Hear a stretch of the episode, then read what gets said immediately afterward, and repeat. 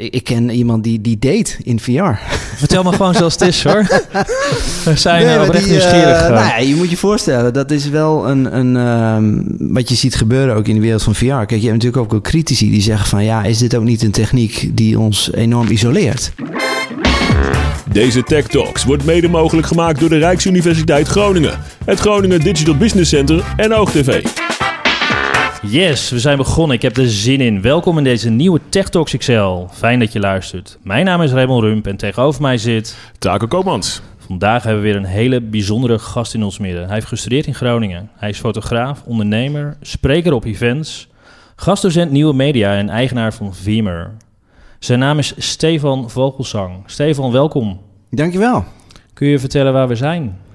Ja, jullie zijn hier op het eh, hoofdkantoor van Viemer. We hebben nog kantoor in Amsterdam. Daar zitten een paar mensen. Maar hier gebeurt eh, de meeste magic in uh, Hartje Groningen. Oh, fijn. Ja. Dit, dit, dit is ook zeg maar eh, het heilige der heiligen nog? Of, eh, Ja, zeker. ja? Wat, Ja. ma- wat maakt het voor jou het heilige der heiligen? Nou, de, vooral de, alle kennis die hier wekelijks eh, samenkomt over de vloer. Ik vertelde je net van ja, wij zijn een, een, een soort nou, klein team. We zijn met acht man.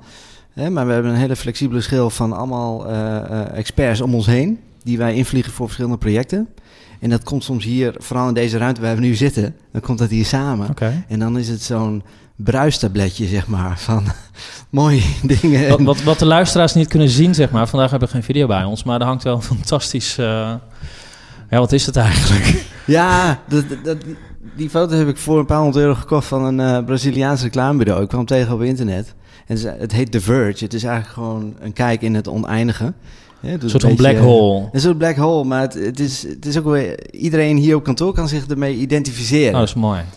Het is een beetje... eh, het- het- Want we zien eh, iemand in een ruimtepak die eh, ergens ja, boven de wereld is dit of niet? Of is de, en de wereld is dan een soort, er zit een klein gat in waar een soort black Ja. hole is of zoiets. Ja. Waar we dan, ja, en, en daar, zit niet? iets, daar zit iets geheimzinnigs achter. Van het onbekende, het oneindige. Je, En maakt, dat is het, een je maakt beetje- het wel heel mysterieus. Ja, denk dat, dat, nou ja, dat is... Je eh, maakt ook heel nieuwsgierig. Dat is ons vak ook wel een beetje. Ja. Dus in VR en, en AR dan, eh, ja, je weet niet altijd... eh, eh, je kunt niet zeggen van, oh, eh, we beginnen hier en punt Z is daar. En we weten precies hoe dat traject eruit gaat zien. En, Ja, daar, daar hadden we het natuurlijk net eventjes over. Maar onze luisteraars zijn net ingestapt.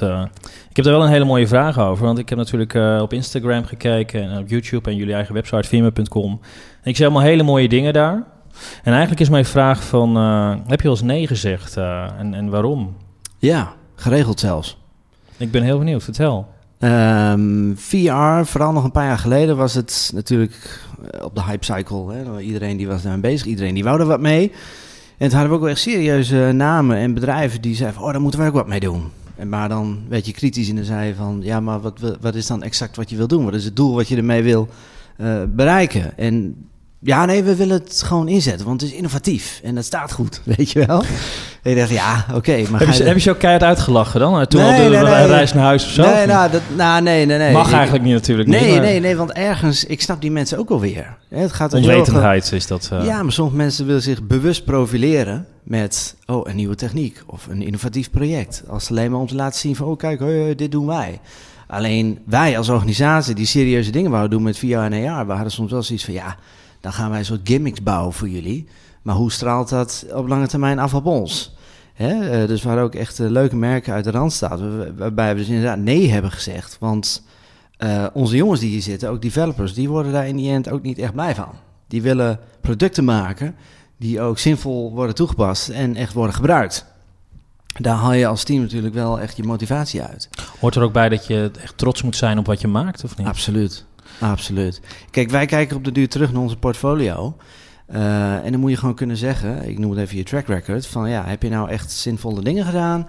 Of was het allemaal, eh, ja, eendagse vliegen, zeg maar? Nou, vertel, Kun- wat, kun je een, een voorbeeld geven tussen, of wat, wat voor een groot project voor een grote klant waar je echt trots op bent? Vertel eens.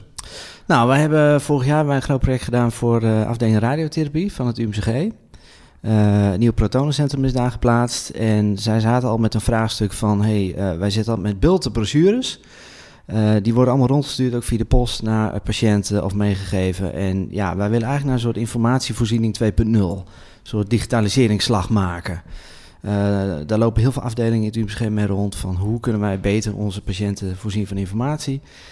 En toen ontstond het idee van, hé, hey, waarom maken wij niet een virtual reality app waarbij de patiënt uh, een volledige tour krijgt uh, door het protonencentrum. Nou, dat klinkt heel makkelijk.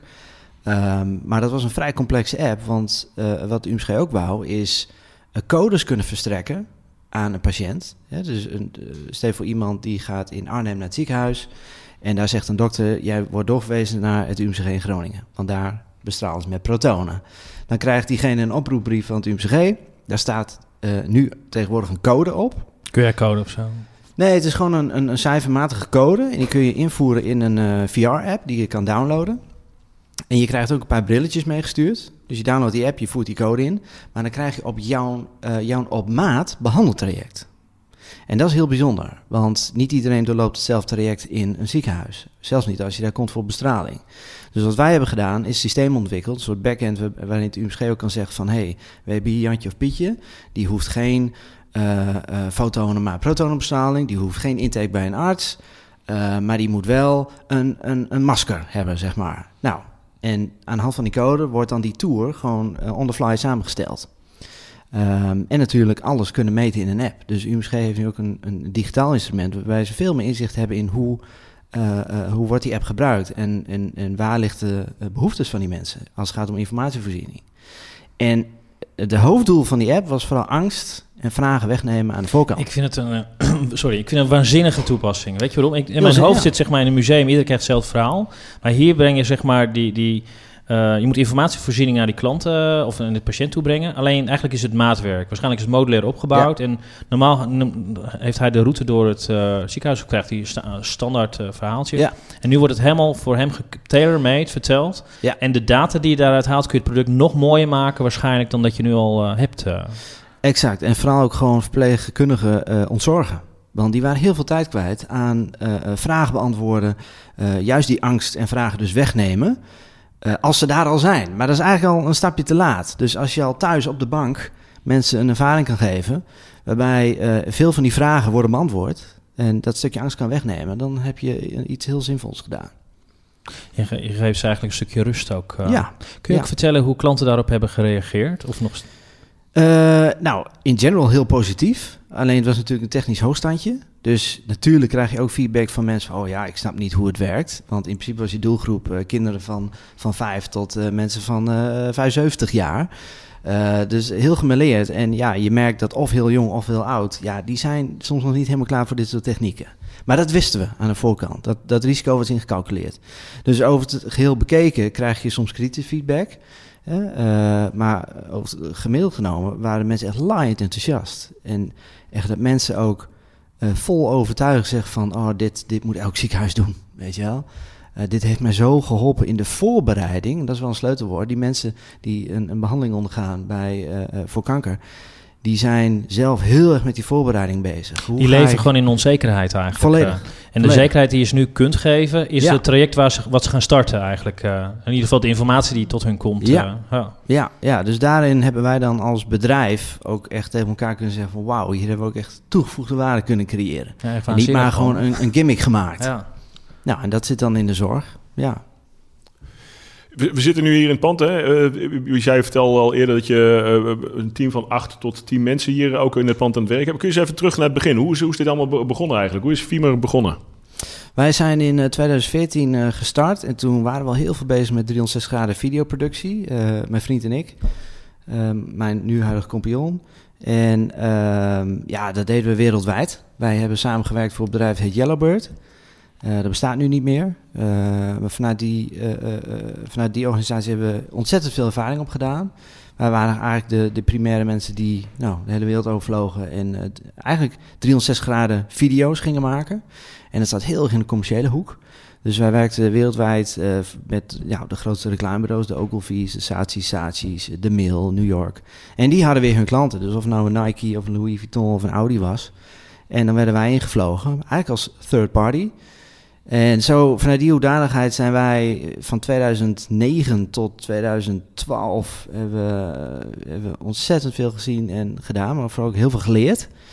Um, Alleen... een beetje als een jongensboek of zo, een jongensdroom. Ja, dat was te gek. ja, te gek. Toch? We hebben echt uh, bizarre dingen gedaan. En Kun je visualiseren? We stonden net echt prachtig, vooral die fotootjes, zeg maar. En toen Ja. zei je van, dus ik stelde letterlijk dezelfde vraag. In je eh, kantoor hangt een fotoband. Ja, ja, Vertel- ja, vertel dat is eigenlijk zo'n memory board. Ja, we, ja, Ik weet zie allemaal glimmen, eh, lachende mensen Ja. op een foto staan... die als team, eh, bij wijze van spreken, een, een fantastisch uitje hebben, zo lijkt het wel. Maar het is In de werk. Caribbean of Ja, waar is nee, het kijk, allemaal? kijk, die techniek was toen eh, ontzettend nieuw. Eh, er, was, er waren maar twee bedrijven in de wereld die zich bezighielden met 360 graden video. Dat was Yellowbird in Groningen en dat was nog een partij in Canada. En eh, we hadden gewoon een ontzettend goede PR-campagne. Met als gevolg dat al die grote agencies, die liepen als buffels over ons heen. En zeiden, oh, wij willen iets met die techniek. Hè, die, eh, die creatieven die zagen allemaal toepassingen. Die dachten van, oh ja, 360 graden video in het web. En dat interactief maken. eh, social media campagnes met 360. Je kon ze gek niet bedenken. Maar goed, wij vlogen als productiepartij in. Althans specifiek Fabian de Bats en ik. En nog veel meer mensen daaromheen hoor. Maar die hebben, Fabian heeft die mensen vooral opgeleid. En eh, ja, zat je het ene moment zat je eh, eh, in Parijs voor een Louis Vuitton fashion show. En de dag daarna vloog je door naar Slovenië voor een campagne voor Nike. En dan moest je weer door naar New York en weet ik veel wat. Dat was allemaal heel leuk, maar ook ontzettend stressvol. Hoe oud was je toen? Dat is nu acht jaar geleden, zoiets. Acht, negen jaar geleden. Dus ik was toen 28, zoiets. ja. Ja. En dat was heel leuk, maar ook heel stressvol. We werkten met, die techniek was zo nieuw. En we werkten met hele gevoelige camera's. Wat, Soms, wat voor eh, camera's heb je dan? Om een luisteraar een beetje een voorbeeld te geven, die bijvoorbeeld geen 360 graden. Je, hebt, je kent nu die GoPro Fusion, twee Precies. lensjes aan beide kanten, maar dat was toen. Nee, nu heb je inderdaad eh, die hele 360 cameramarkt is eigenlijk eh, heeft dat wel een beetje een volwassenheidscurve bereikt. Maar toen was het allemaal houtje touwtje. Wij gebruikten camera's die, eh, die primair waren ontwikkeld voor de, voor de luchtvaart, eh, of sorry, voor de, voor de ruimtevaart. En die hadden wij hardwarematig en softwarematig eh, aangepast. En editing tools wa- was ook lang niet Nee, uitgehard was, en volwassen eh, geworden waarschijnlijk. Nee, precies. Dus ook in de postproductie, je werkte met 360 graden video. Dus dat ging in één keer over 6K resolutie eh, eh, beeld, of nou 4K. Maar het was eh, eh, eh, eh, van hele hoge, ja, nou, hoge resolutie. En dat dus ook wat voor effect dat had op je computersystemen en al je editing software. Eh, Je, moest, je hele workflow die je dacht van, oh, dit is mooi, dat moest je herzien. Maar goed, dat was allemaal heel ge- eh, geënt op, op, op, op videoproductie. En toen in 2012, toen ging het eigenlijk niet zo goed met Yellowbird. Eh, toen zijn ze omgevallen. Ehm, want ja, eigenlijk alles wat we daar deden, we waren eigenlijk heel vroeg met alles. En de markt... High-risk project eigenlijk. Ja, ja. behoorlijk. En in, in de commerciële industrie was het allemaal heel leuk en allemaal grijpbaar en overzichtelijk. Alleen de grote ICT-projecten, ja, dat, dat, dat, daar zagen wij nog geen toepassing voor. Er was ook geen vraag naar. Dus ook niet in, in de veiligheidssector. En dan bedoel ik bijvoorbeeld hè, bouwindustrie, offshore, onshore. Ook niet in de zorg. Ehm, nou, toen is Yellowbird eh, omgevallen. En toen hebben mijn compagnon Fabian en ik gezegd van... weet je wat, Eh, wij gaan door. Wij gaan het anders doen. We gaan het ook slimmer doen. Eh, hou je kosten laag. Ehm, maar wel vanuit ons grote netwerk en ervaring die we hadden... gaan we eh, zinvolle dingen doen. Dus we hebben eigenlijk vanaf dag 1, dat was toen 2014... hebben wij direct gezegd... wij gaan ons focussen op eh, de zorg... En we gaan kijken hoe kunnen we techniek zoals virtual reality inzetten voor training, scholing. En zo hebben we al vrij snel voor de NAM, voor de Shell, eh, voor Mammoet hebben we eh, VR-trainingen ontwikkeld. Is dat ook de reden dat je een soort van baseline wilde creëren met recurring revenue of zo? Of, of dat je en daarnaast die gekke dingen wilde blijven doen voor die fantastische brands? Of wat, wat, wat was de reden dat jij daar even heel bewust mee omging en je eigen markt wilde creëren? Nou, eigenlijk wat wij eh, eh, hebben ervaren was al in 2014. Toen hebben wij ook een project gedaan voor eh plein- en straatvrees. Dus mensen die ochtends met een busje worden opgehaald en die gaan naar de kliniek en die worden daar behandeld omdat ze gewoon niet zelf naar buiten durven. Eh, die mensen moeten ergens wel weer een keer naar buiten toe, onder begeleiding of zelfstandig uiteindelijk. En wat wij toen hebben gedaan is, we hebben allemaal scenario's gefilmd hier in de stad, hier de straat, vismarkt. Helemaal leeg, iets drukker, tot heel druk, tot op het moment dat je echt werd aangesproken. Nou, die beelden die hebben wij volgens eh, via een GGZ-kliniek eh, ja, hebben die gebruikt op, op patiënten. Dus psychologen hebben ja, die mensen eigenlijk blootgesteld aan die scenario's. Eh, en het werkt ontzettend goed. En toen we zagen hoe mensen daarop reageren en wat dat doet in het leven van die mensen en, en, en hoe, je, hoe zo'n stukje techniek kan bijdragen aan, aan een stukje ja, gedragsverandering, maar ook ja, in die end dus levensverbetering, dat deed onze ogen wel openen. Dat we echt dachten van wauw, als je dit kan doen met deze techniek, als je echt mensen kan helpen, ja, dat is een soort direct effect, direct resultaat. En Zie dat je- zagen we ook. Zie je zorg ook als een hele conservatieve markt waar heel veel eh, winst en hele mooie dingen en hele mooie toepassingen zijn te behalen? Ja, die, die sector die wil heel graag, alleen het is ook enorm stroperig. Ja. En het zijn allemaal eilandjes en eh, het moet allemaal uit potjes en dit en dat. Dus in tegenstelling tot de commerciële sector, waar budgetten beschikbaar zijn en een klant wil iets en gas erop en eh, we gaan iets ontwikkelen, is het in de zorg, moet je wel een heel lange adem hebben al, eh, voor een club als ons. Eh, we zijn een klein team, wij gaan soms wel echt grote projecten aan, ook wel ja, financiële risico's die daarmee gemoeid gaan. Want ja, je moet soms ook zelf heel veel investeren. Is het niet in een relatie, dan wel in het inhoudelijke project. Ehm, en je wordt een beetje meegezogen in dat tempo van eh, grote kennisinstellingen, zoals bijvoorbeeld een UMCG. Hoe, hoe voel jij aan dat het geen prestigeproject is, zeg maar? Begrijp je mijn vraag? Ja? Bij de gemeente Ja. hebben ze, hè, dat willen ze dan, is, is het iets anders belangrijker dan de, de value Ja, die het voor de gemeente heeft? Hoe, Ja. hoe, ik zie een glimlach. Ja. Vertel. Nee, nee, dat is herkenbaar. Ergens... Stap je, eh, daar stap je niet op in, neem ik aan, of wel? Misschien om een Nee, grote big nou fish ja, te vangen kijk, of zo. Kijk, het is vaak tweeledig. Ik heb nog nooit meegemaakt dat een, een provincie of een, een, een, een kennisinstelling zoals eh, een ziekenhuis zei van... Oh, dit doen we puur voor onze positionering en... eh, Groningen marketing. Nee, nee. Er zat eigenlijk altijd wel ook wel echt een serieus doel achter. En ook wel een, een, een noodzaak. En, en ik denk dat daar ook wel een hele belangrijke scheiding zit. Eh, hè, wij hebben op de duur ook al tegen onszelf gezegd... ja, benaderen mensen ons met een concrete vraag... waar wij een probleem voor ze kunnen oplossen... Of is het, hè, waar ik net zei, van oh nee, we willen gewoon iets leuks doen en eh, het staat leuk, weet je wel. Ehm, dat tasten we altijd wel af. En daar zit ook een hele politieke gelaagdheid inderdaad achter. En ik heb geleerd om daar een beetje doorheen te prikken. Ik moet van, me dat eh, zelf altijd bijna dagelijks afvragen. Van, eh, voor welk pro- probleem Ja. is dit een oplossing, zeg maar? Ja. Ja, ja. En het, eh, de valkuil bij wat wij doen met virtual reality en augmented reality, het spreekt enorm tot verbeelding. Eh, dus soms moet je aan de voorkant ook echt afremmen en ook terug naar die basis. Van ja, wacht even. Wat is het primaire doel van wat we hier gaan doen? En hoe kan een techniek als VR of AR daadwerkelijk daarin verschil maken? En levert je dat dan tijd op of geld? Of, ehm, ja, dan moet je wel aan de voorkant inzichtelijk krijgen. En als je daar niet de vinger op kan leggen, dan zeggen wij vandaag de dag steeds vaker: hier moet je niet aan beginnen. Nee. Dan, ja. Wij, wij, wij eh, gebruiken de term eh, AR, VR, zeg maar. Eh, Microsoft heeft een HoloLens. ja. Is dat mixed reality? Kun, je enerzijds, zeg maar, is mijn vraag van, kun je uitleggen zeg maar, wat de verschillen zijn? ja. En anderzijds, zeg maar, zijn er al eh, B2B toepassingen in, in Groningen of in Nederland, waarvan je zegt van, ja, die had ik van tevoren niet zien aankomen, en Microsoft heeft dat mede mogelijk gemaakt door die technologieën. Nou, dat zijn wel aanjagers. Eh, partijen zoals eh, Microsoft met een eh, HoloLens. Maar even in de kern, heel kort. VR kenmerkt zich door een virtual reality bril waarmee je ontsluit van de werkelijkheid. En je stapt eigenlijk in een andere wereld. En die wereld dat kan van alles zijn. Maar de kracht daarbij is dus ook dat je, ook al zitten wij nu hier in het kantoor, jij kan zometeen in VR-bril zwem jij met wilde dolfijnen. Bijvoorbeeld. engagement is gigantisch, Dat is maar. gigantisch. Ja. Dus je, hebt, je kunt echt het gevoel creëren dat iemand ergens anders is. Ehm, en dat, eh, daarom is VR nu ook, dat wordt ja, steeds sterker ook in die gaming en, en, en, en videostreaming eh, wereld. Eh, AR daarentegen is natuurlijk de techniek waarbij je gewoon in het hier en nu blijft. Alleen jouw realiteit wordt verrijkt met extra informatie. Door middel van, nou dat kan ook door je telefoon. Pokémon Go is ook AR. Ehm, maar inderdaad, de Microsoft HoloLens is daarin echt een serieuze toepassing. Oké. Ja, mijn, mijn, mijn is dus altijd dat je met virtuele objecten kunt interacteren, zeg maar. Dat- Ja, nou en daarin eh, zit wel weer het verschil, hè? want je hebt inderdaad, en dat moeten we ook niet te moeilijk maken. Kijk, wij gebruiken nog steeds de termen VR, AR. Waarom? Mixed reality, wij weten wat het is, alleen je merkt dat in de markt niemand snapt daar Gaat flikker aan, zeg maar. Niemand die denkt, het is over? dat nou business, ja.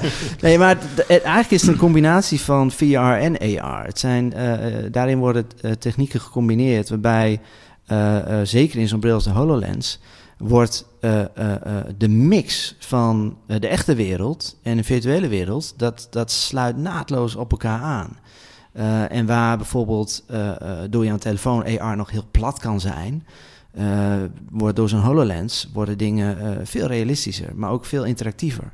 Dus ehm, Het voorbeeld ervan is bijvoorbeeld, eh, je kan Minecraft spelen volgens mij Ja. met HoloLens. Ja. Dat, dat je gewoon wel hier bijvoorbeeld op kan bouwen op de tafel waar we Ja. nu zitten. Dan kun je gewoon een, met, ook met meerdere mensen tegelijk geloof ik, toch? ja zeker, zeker.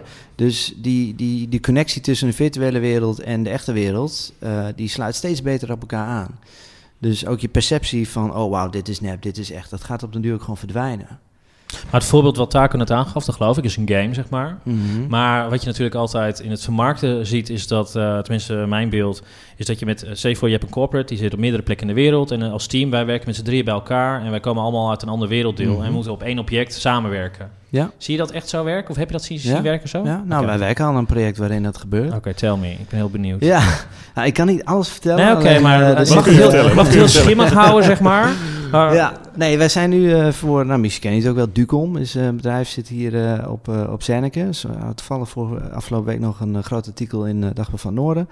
Ehm, wat wij voor hun maken is, ehm, ja, eigenlijk zo'n digital twin. Hè. Zij ontwikkelen machines voor bijvoorbeeld Formule 1, eh, luchtvaart, defensies. eh, Hele gespecialiseerde erg- sectoren. ja, de tribologie sector. En eh, even in de nutshell, zij ontwikkelen machines die lubricants, vloeistoffen kunnen testen. Hè, dus smeermiddelen. Dus een olie, onder wat voor temperatuur of frictie Druk, bes- bezwijkt dat. Ehm, nou, dus die machines leveren zij. En wat wij hebben gedaan, we hebben een augmented reality app ontwikkeld. En nou, dat beweegt nu voort naar serieuzere AR-toepassingen. Maar basically wat we nu hebben gemaakt is een, is een app waarmee alle machines die zij hebben ontwikkeld, die kun jij gewoon hier projecteren op je tafel. Door je telefoon of iPad. Nou, dat ziet er fantastisch levensecht uit. Maar vervolgens kun je ook interacteren met die machine.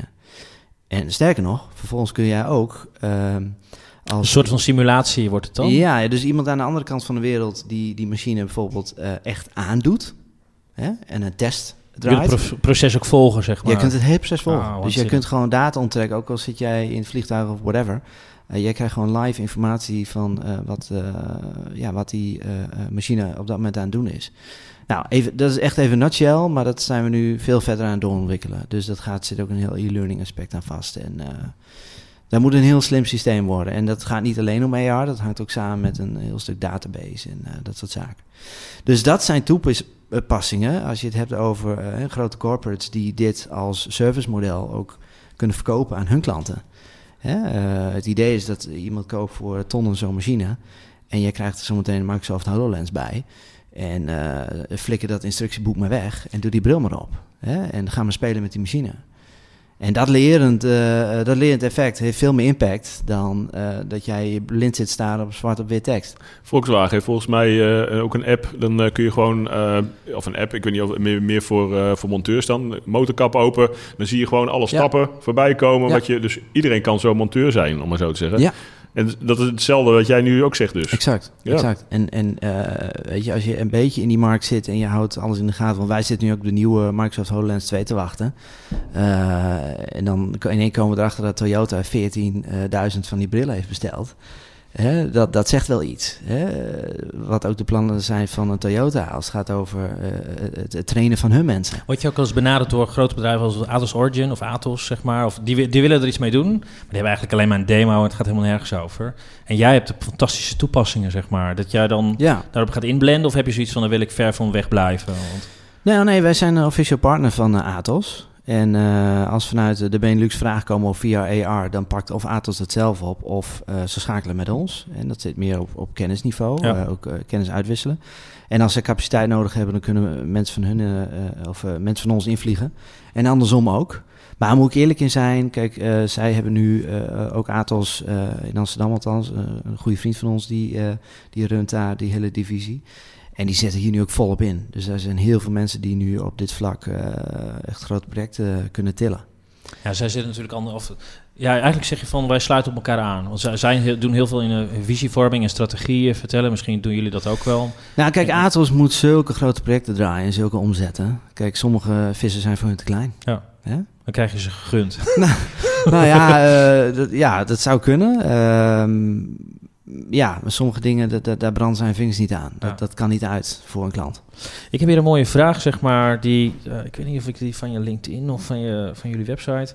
Fame claimt de meest innovatieve, spraakmakende en prijswinnende campagnes te hebben gemaakt voor de grootste brands. eh. Alleen dan is mijn vraag van, wat, is, wat is dan het meest spraakmakende wat jullie gemaakt hebben? Eh, wat is het meest spraakmakende? Ehm, nou ja, ja, een van de dingen die toch is er door me heen flitst, is toch wel. eh, wij hebben in 2014 een grote campagne gedaan voor Audi. Ehm, dat is eh, gelanceerd in, in 20 landen. Dat deden we samen met Digitas LBI uit Amsterdam, eh, grote agency.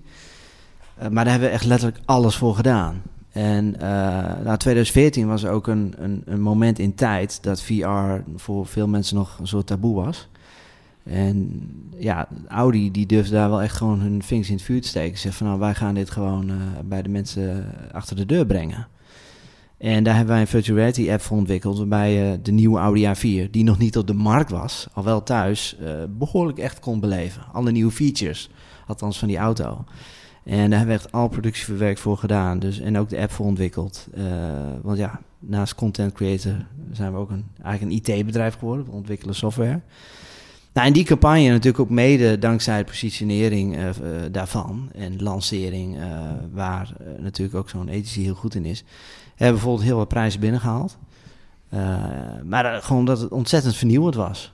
Maar neem eens even mee achter de schermen. Hoe, hoe gaat dat? Wat, wat bedenk je allemaal? Dat, wat voor camera's gebruik je? Hoe, hoe komt dat in een app allemaal samen? Kun, kun je dat eens uitleggen? Want het is misschien wel grappig om te weten. Of, te, te- Ja, of ja. om men- mensen die er geen idee hebben hoe, dat, hoe, hoe gaat dat proces? Nou, dit was wel een bijzonder traject, want eh, het, het project was al verkocht aan de klant voordat ze de juiste partij hadden. En toevallig kwamen we bij hun op de radar via een, eh, een, medewerker van ons. En eh, nou, dat, ze zeiden van oké, we hebben dit al verkocht, het moet worden gemaakt. En dus we zaten daar in één keer in Amsterdam en de volgende dag was alles getekend en konden we aan de slag. Dat was heel bijzonder. Ehm, maar dat leunde enerzijds inderdaad op videoproductie. Het levensechte beleving in VR. Dus eh, je moet je voorstellen het gevoel dat je krijgt als je eh, eh, van die motor... Er zat een nieuwe TDI-motor in, allemaal super, super. Eh, dat hebben we gekoppeld aan bijvoorbeeld een, een beleving eh, in, in eh, de achtbaan in de Efteling. Ja? En dan zet je in VR... Ja, auto, je- eigenlijk zeg je van een auto kopen is beleving, toch? Of emotie. Auto is- ja, ja, emotie, emotie en beleving. Ja, klopt. En al die nieuwe features die in die auto zaten, hebben we gekoppeld aan belevingen. Dus al die high-tech eh, lichtsystemen die in die auto zaten, eh, dan beland je in een bos met vuurvliegjes bijvoorbeeld. Eh, als het ging over het slimme navigatiesysteem, lieten we zien hoe professionele skiers off-piste aan het navigeren waren, zeg maar. En dat hebben we allemaal gefilmd. Dus het was, ergens had het natuurlijk wel een beetje gimmick gehalte. Het was super commercieel. Audi wou gewoon dat meer mensen die auto's gingen kopen. Ehm, maar dat was dus eh, heel videoproductie. Ehm, maar wat ik net ook al tegen jou zei, van eh, waar video eerst echt de kern was, alles draaide om een video en die werd op YouTube gezet of zo, eh, was dit meer een onderdeel van een hele slimme app. Dus in die app, Interacteren met content eigenlijk. juist, het was interactief. Dus jij zat in een soort cockpit en van daaruit kon jij door hoofdbesturing, kon jij naar een soort hotspots kijken en dan kon jij nieuwe eh, video's activeren. Dus de interactie, dat was ontzettend belangrijk. Anders werd het een hele passieve beleving. Eh, en zo'n app was er nog niet, al helemaal niet in de auto-industrie. Dus eh, productiewerk, videoproductie en ook postproductie eh, is daarin ontzettend belangrijk. En natuurlijk die hele app development. Ehm, nou ja, en dat zijn parallele projecten wat op de duur samen moet komen. Alleen wat wij hebben geleerd is, inhoud is, is 50%, maar de andere 50% is echt distributie bij virtual is ontzettend belangrijk, want je kunt fantastisch mooie dingen maken. Maar hoe komt dat op de neus terecht bij iemand achter de deur? Niemand heeft dit soort brillen thuis liggen, weet je wel? Dus ja, kies je dan voor een high-end VR-bril van een paar honderd euro? Of kies je dan voor een cardboard VR-brilletje? Die je ook eh, plat geslagen door een briefbus kan duwen. Ehm, en hoe ga je dat branden? Hoe zorg je dat mensen snapt hoe ze zo'n brilletje in elkaar zetten? Eh, eh, daar komt nog best wat bij kijken. Dus er zitten heel veel valkuilen ook in, in, dit, in dat soort trajecten. Hoe heb je die validatie gedaan zeg maar, van je prototype? Voordat je groter ging schalen? Of nou, dat, was zo- er niet. dat je op de goede weg zit. Je wist gewoon, ik zit goed. Nee, voor dit project was Soms het... weet eh, je het gewoon, dat is heel duidelijk. It just works. Nee voor, nee, voor dit project. Nou, kijk, nee, dat is, dat is wel een goede vraag. Want we hebben natuurlijk wel, en al was dat maar 10 minuten op, eh, in de auto op de terugweg van. eh, eh, het Geloof jij hierin? Van, eh, kunnen we dit? Dat, dat is de handvraag. Ja. Kunnen wij met het team dat we hebben zitten, kunnen we dit waarmaken? En dat is ook wel een beetje mijn rol. Daar moet ik gewoon heel scherp op zijn. Want als we daar de mist in gaan, dan sta je echt 10-0 achter. Eh, en dan kan zo'n project een hele dure worden. Eh, als je al toezeggingen hebt gedaan. Dus dat is eigenlijk een check die wij altijd uitvoeren aan Want de die voorkant. belofte die jullie doen, wordt ook weer doorvertaald binnen Absoluut. de company, zeg maar. Absoluut, ja. En als, eh, als jullie falen, falen zijn nog ja, harder. ja, eh, ja, ja, ja, ja, ja, ja. was het nee, een beetje fake it till you make it? Of is het, was het echt waar op de raaf van dit gaan we wel doen, niet doen? Of wat nee, is het? nee we, we wisten in de kern, dit, dit kunnen we maken. Punt. Alleen wat wij specifiek bij die campagne wel hebben onderschat is... wow, wat er allemaal bij komt kijken. En eh, dat had ook vooral te maken met ook wel een stukje politiek, organisatie... en hè, bijvoorbeeld het designstuk van de app behoorlijk onderschat. Ehm, maar al met al was dat echt een, een, een fantastisch project... en hebben we dus ook heel veel eh, prijs mee gewonnen. En ja, wij springen soms ook wel in diepe. Hè? Dat staat letterlijk op onze website. We verkennen het onbekende, we springen in diepe. Dat is een beetje inherent aan de business waarin je zit. Je weet nooit aan de voorkant hoe een project er aan de achterkant uit moet zien. Er zitten heel veel grijze gebieden in. Dat heeft met eh, eh, development te maken. Hè? Je hebt geen technieken die je van de plank haalt en zegt... oh, dit, dit fietsen we er even in. Eigenlijk iedereen die ons benadert, die wil een stuk maatwerk. Dus je moet alles opnieuw onderzoeken. Eh, en dat is soms Echt een best soort wel... van R&D. Het is heel veel R- R&D, ja, ja, ja. Dus onze jongens moeten ook altijd op de hoogte zijn van wat speelt er in de markt. En welke technieken pas je toe eh, binnen een bepaald project. En soms is een techniek ook nog niet zo ver. Nee. Dan, ja. Nee, Jij noemde twee keer zeg maar eh, prijzen. En mijn vraag is eigenlijk van, wat, wat heeft dat voor firma betekend als je een prijs nee eh? niet, niet zoveel. Nee? Nee. Ik eh, had eerst zelf ook de illusie van, oh ja, prijzen winnen, prijzen winnen. Hebben we verschillende projecten gedaan. En dat is heel leuk. En dan Dat vind ik wel bijzonder eigenlijk. Nou eh. ja, kijk, kijk eh, wat je ziet, vooral... Niet, naar jullie toe hoor, maar de bedrijven die ik heb benaderd, zeg maar, die komen dan, weet ik wel, KVK op zoveel. En dan worden ze Ja. of een monitor of Ja. ze liften mee op Atos. Dat is een rapport Ja. in de top 10 en zo. En dan gaan ze zelf met de bühne. En dan halen ze tijdelijk heel veel media en hoop- hopelijk business mee. En jij zegt eigenlijk het omgekeerde van, nou valt eigenlijk wel mee of tegen misschien. Nou, de aandacht die we krijgen voor onze campagnes vind ik wel heel belangrijk. Ja. dus als wij een campagne hebben afgerond, besteden we heel veel aandacht ook aan bijvoorbeeld case-video's, eh, social media, dat soort zaken. Eh, Laten zien wat je hebt gedaan. Alleen specifiek die prijzen, eh, dat is ook een beetje onze ervaring, ook wereldwijd, maar vooral de laatste jaren ook gewoon met de Randstad, is... Het gaat allemaal om positionering. Al die agencies die willen gewoon prijzen winnen. En gewoon zichzelf de, de, de, de, de organisator, degene die die prijzen organiseert, of het prijzencircus, dat, die doet het ook voor publicity. Ja, tuurlijk, eh. tuurlijk, tuurlijk. Ja. Dat is een En industrie op zich, toch? Ja, ja, ja. Ja. Het is eh, vooral een clubje in Amsterdam dat ons kent ons. En ja, het is niet helemaal zo, maar hè, je hoort wel eens mensen van ja, je koopt je eigen prijs, weet je wel. Ja, dat is ook niet helemaal zo. Nee, precies wat ik bedoel. Maar- ik ben blij dat je bent. eh. Ehm, nee, we- dus, dus die prijzenkast dat hebben we losgelaten. En dat komt ook, eh, wij zitten nu in zorg en in safety en, en daar leeft dat ook niet. Dat hele prijzencircus speelt vooral rondom, eh, vooral eh, een beetje de commerciële kant. Je noemde net een paar gebieden inderdaad, hè? zorg, safety. Maar kun je eens even, wat, wat zijn uh, gebieden waar, waar, waar VR echt, of VR, AR, AR, waar dat echt van, van nut kan zijn? Je hebt entertainment misschien ook wel, maar wat, wat zijn gebieden waar, waar er echt mooie ontwikkelingen liggen nog? Nou, dus allereerst denk ik dus aan zorg en training. En aan zorg moet je denken aan eh, eh, bijvoorbeeld eh, stress, depressies, eh, die kant. Eh, daar wordt virtual reality al heel veel voor ingezet. Ehm, maar dus ook training van personeel. Ehm, maar in VR zie je nu wel een verschuiving eh, eh, plaatsvinden. Eh, laat ik zo zeggen, VR wordt nu nog groter omdat het ook eh, de gamers eh, bereikt. En eh livestreaming is helemaal heel goed opgezet. En, Vind je dat het te lang duurt als we het specifiek over ja. VR hebben? Ja, het duurt ook ik veel kan te nog herinneren, 20 jaar geleden of zo, dan kon je gewoon in een machine kon je lopen, zeg maar. En dan had je natuurlijk een, ook een, een bril op Ja. en dat zag er dan visueel niet uit, maar je had enigszins de beleving. Ja. Als je, waar je nu staat, is dat eigenlijk, nou, die beleving is veel intenser en de, de, weet ik, de graphics zijn beter geworden en de geluid en je kunt, hè, je kunt eh, ook lopen en dan die band onder je door en je kunt Ja. beide- Alleen de toepassingen, ja, die... die zijn niet schaalbaar. Precies. Nee, dat zijn allemaal, punt, eh, punt, punt eh, toepassingen of puntoplossingen, zeg maar. Klopt, ja. Wij hebben ook op conferenties in het buitenland Het is geen generic eh, iets. nee, nee, dus je, je, hebt, je hebt nu wel echt kwalitatief hele goede VR-brillen op de markt. Maar er, er, er is altijd wel iets mee, waardoor je denkt van, oh, dit is het ook allemaal net niet. Dus je Zoals ziet... eh, nou, bijvoorbeeld, eh, we hebben nu een, een nieuwe VR-bril die aan het testen zijn. Die heeft qua resolutie, 8K-resolutie, fantastisch. Echt een heel mooi beeld. Alleen eh, de audio-output is waardeloos. Hè? De Oculus Go bijvoorbeeld, die heeft gewoon mooie spherical sound eh, eh, eh, waarneming, echt om je hoofd. Terwijl bij die bril eh, waarvan ik hoge verwachtingen had, ja, dan komt het geluid gewoon aan de onderkant eruit. Is dat via een start-up? waardeloos. nee, eh, dat is even een Chinees bedrijf en eh, waarvan je denkt, oh, oh interessant. En dat is het allemaal weer net niet. Dus je ziet dat die hele hardwarewereld Ehm, daar moet nog veel harder gaan rennen. Er zit En genoeg geld achter. Huge. Apple Eh, is hier Facebook mee bij. eh, Ja, met eh, hardcore. Ja. Ja, nee, dus er wordt ontzettend veel geld in gepompt. Ehm, maar uiteindelijk zul je toch zien dat China, eh, eh, eh, ja, Ja, denk je dat? nou op VR-vlak zal China, die leeft niet alleen in 360-camera's, maar ook in VR-brillen, rennen ze nu heel hard. En er komt wel echt heel goed speel vandaan. Maar vandaag de dag, nu zeg ik, eh, als standalone VR-headset is nog steeds die Oculus Go is gewoon de beste bril. Alleen, ja, mensen willen steeds sneller, meer, meer en En die meer. HTC 5 dan?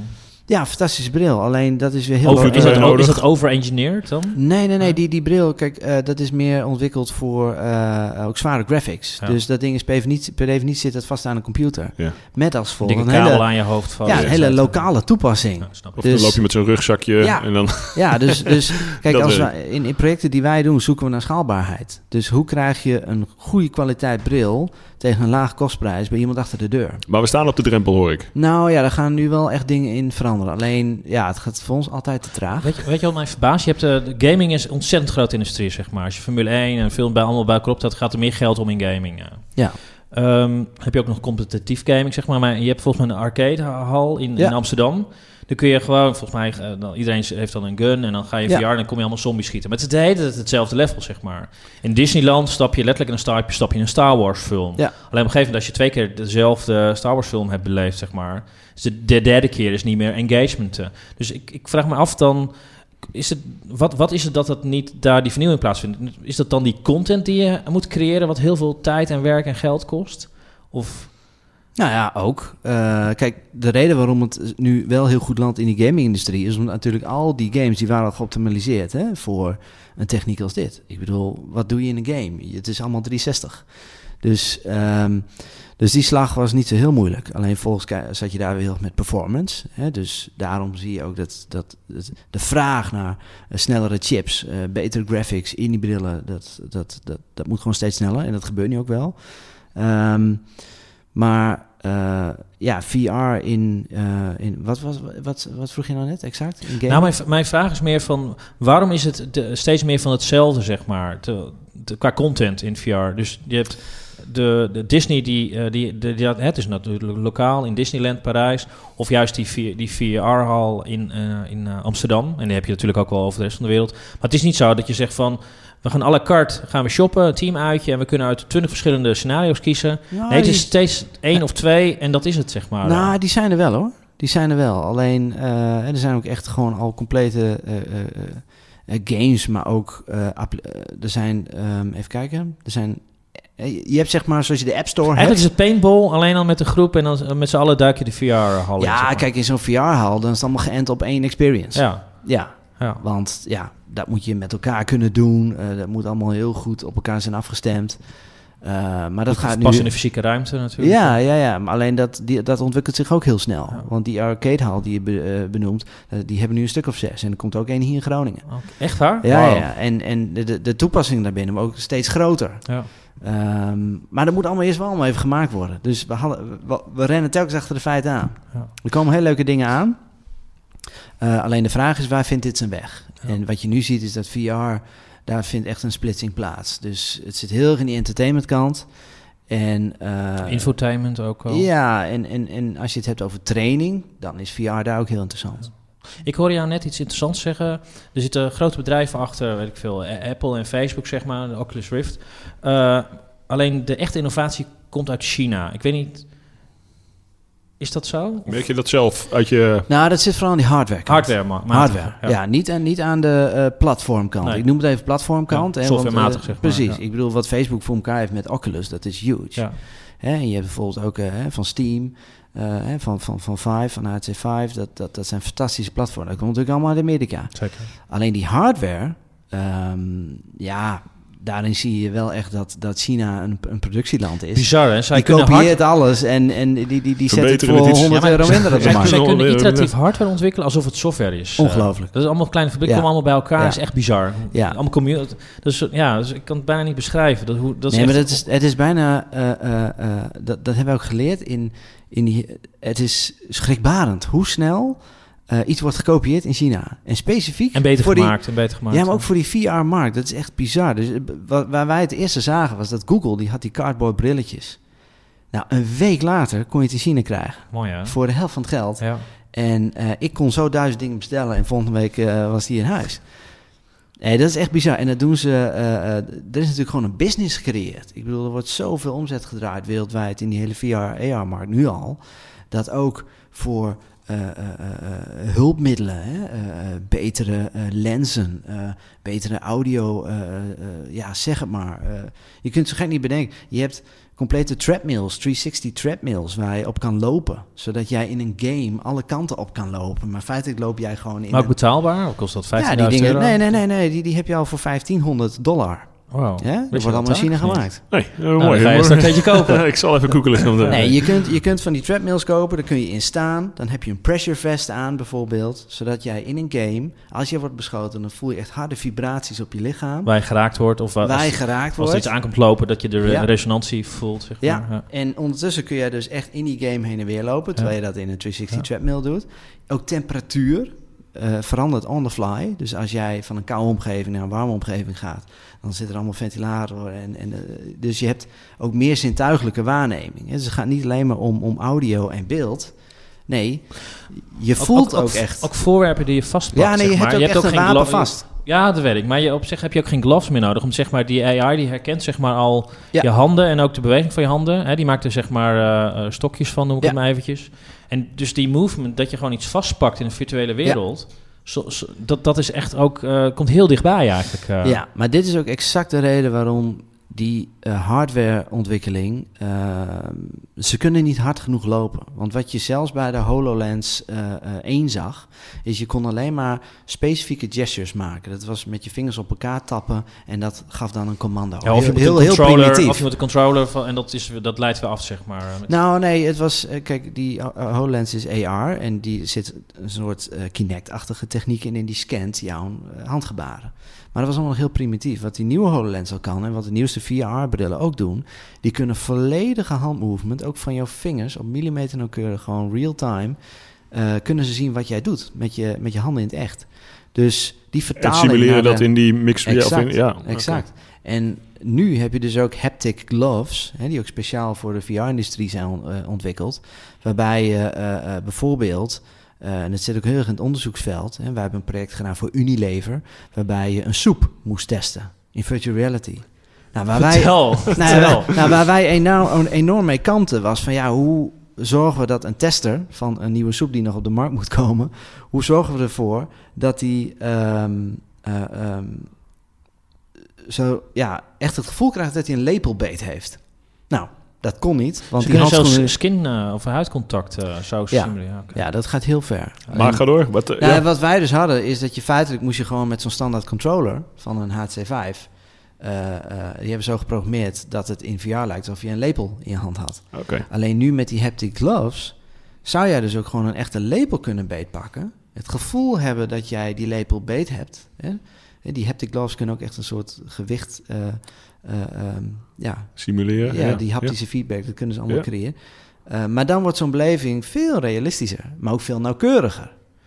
Eh, Maar dan heb je een, een virtuele lepel in je hand of een echte lepel. Hoe, moet je dat? Als je dus dat met zo'n haptic Nou, dat dan... zou alleen een virtuele kunnen zijn. Maar in dit geval van Unilever hadden we gezegd van ja, maar als die tester ook gewoon een echte label kan beethouden, dan breng je realiteit en eh, eh, eh, een virtuele wereld nog meer naar elkaar toe. Daarom zie ik ook dat voor die gaming sector worden al dat soort oplossingen bedacht. Want hoe kom je nog meer in een game als dat soort oplossingen, zoals zo'n eh, 360 treadmill, een echt wapen, een pressure vest, eh, eh, eh, ge- eh, gevoel. Wordt hier ook al competitief, competitief in gegamed, zeg maar? Ja, Dat is- ja. huge. Ja. Ik eh, ga de vraag toch stellen, voordat we naar dezelfde vraag, of het uitstapje maken van VR naar AR. En eh, ik plaag een beetje. eh, de seksindustrie, eh, Ja. hoe, hoe zie je die ontwikkelingen daar? Nou, ik weet dat dat, Taco eh, wilde vragen, maar ik stel hem even, zeg maar. eh. Want, want, Oké, ik- maar hè, die mijn klassiek is altijd dat eh seksindustrie is ook vooruitloopt op technologie. Misschien is het tegenwoordig niet En daar heb meer ik een beetje een, een, een samenvraag in.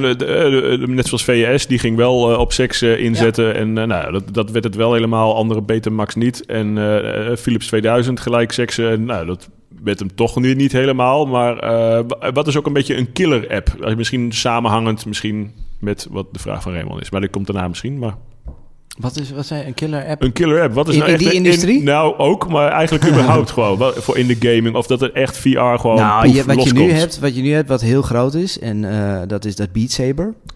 Vertel, Ja, vertel eens, wat is dat? Nou, dat is een virtual reality game waarbij je eigenlijk in een soort virtuele tunnel staat en dan komen allemaal van die Tetris blokken op je af.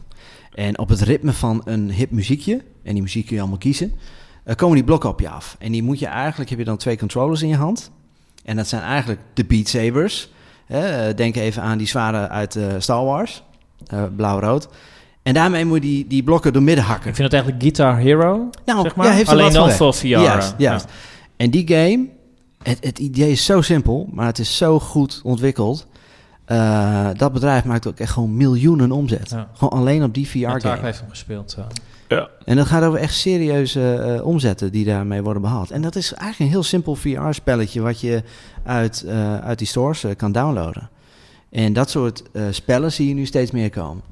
Maar in die seksindustrie, ja, nou ja... Da- dating misschien. Of, nou, weet ik, weet ik niet. Weet ik, Ik zou niet. Dat wordt wel, niet romantisch eh. Nee, nee, nee. En, maar je kunt wel daten met iemand die aan de andere kant van de wereld zit zonder een vliegtuig in te stappen, weet je. Dan kan, ik denk videoconference beter is trouwens dan Nou, wat je wel ziet is eh, eh, Second Life, zoals je dat vroeger Ja. had. Dat heb je nu in Heb VR. jij een Second Life ook gebouwd of niet? Nee, nee, nee, Nee, nee, nee, wel, maar je hebt wel Second Life.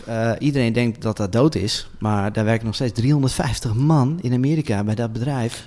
En dat krijgt nu gewoon een tweede leven in virtual Second Life is een soort van voorloper van de bitcoin überhaupt. Hoe, zit dat dan Ja. met het Tweede- tweede leven? Wat gebeurt er dan? Nou, jij kunt in dat Second Life heb jij gewoon echt je eigen avatar. Eh, en wat je ziet is, eh, daar heb je gewoon echt een, een tweede sociale leven. Hè? Eh, wij kennen mensen die het hele weekend zitten ze met hun avatar eh, eh, in die wereld. En daar ontmoeten ze ook echte andere mensen. En dat is ook virtual reality dat dus. is allemaal virtual Ja, reality. ja. Dan kun je het casino in Ja. en een stripclub in. Ja, ja, ja. ja. ja een maar soort dat- van eh, Grand Theft Auto, Ja, eh, ja, maar- alleen dan VR. Ja, maar er zijn bijvoorbeeld ook... eh, ja, eh, ik, ken iemand die, die date in VR. Vertel maar gewoon zoals het is hoor. We zijn Nee, maar oprecht die, eh, gewoon. nou ja, je moet je voorstellen, dat is wel een, een ehm, wat je ziet gebeuren ook in de wereld van VR. Kijk, je hebt natuurlijk ook, ook critici die zeggen van, ja, is dit ook niet een techniek die ons enorm isoleert? Heb je die film Eh, van Steven ehm, Spielberg gezien? One? Of ja. die film? Ja.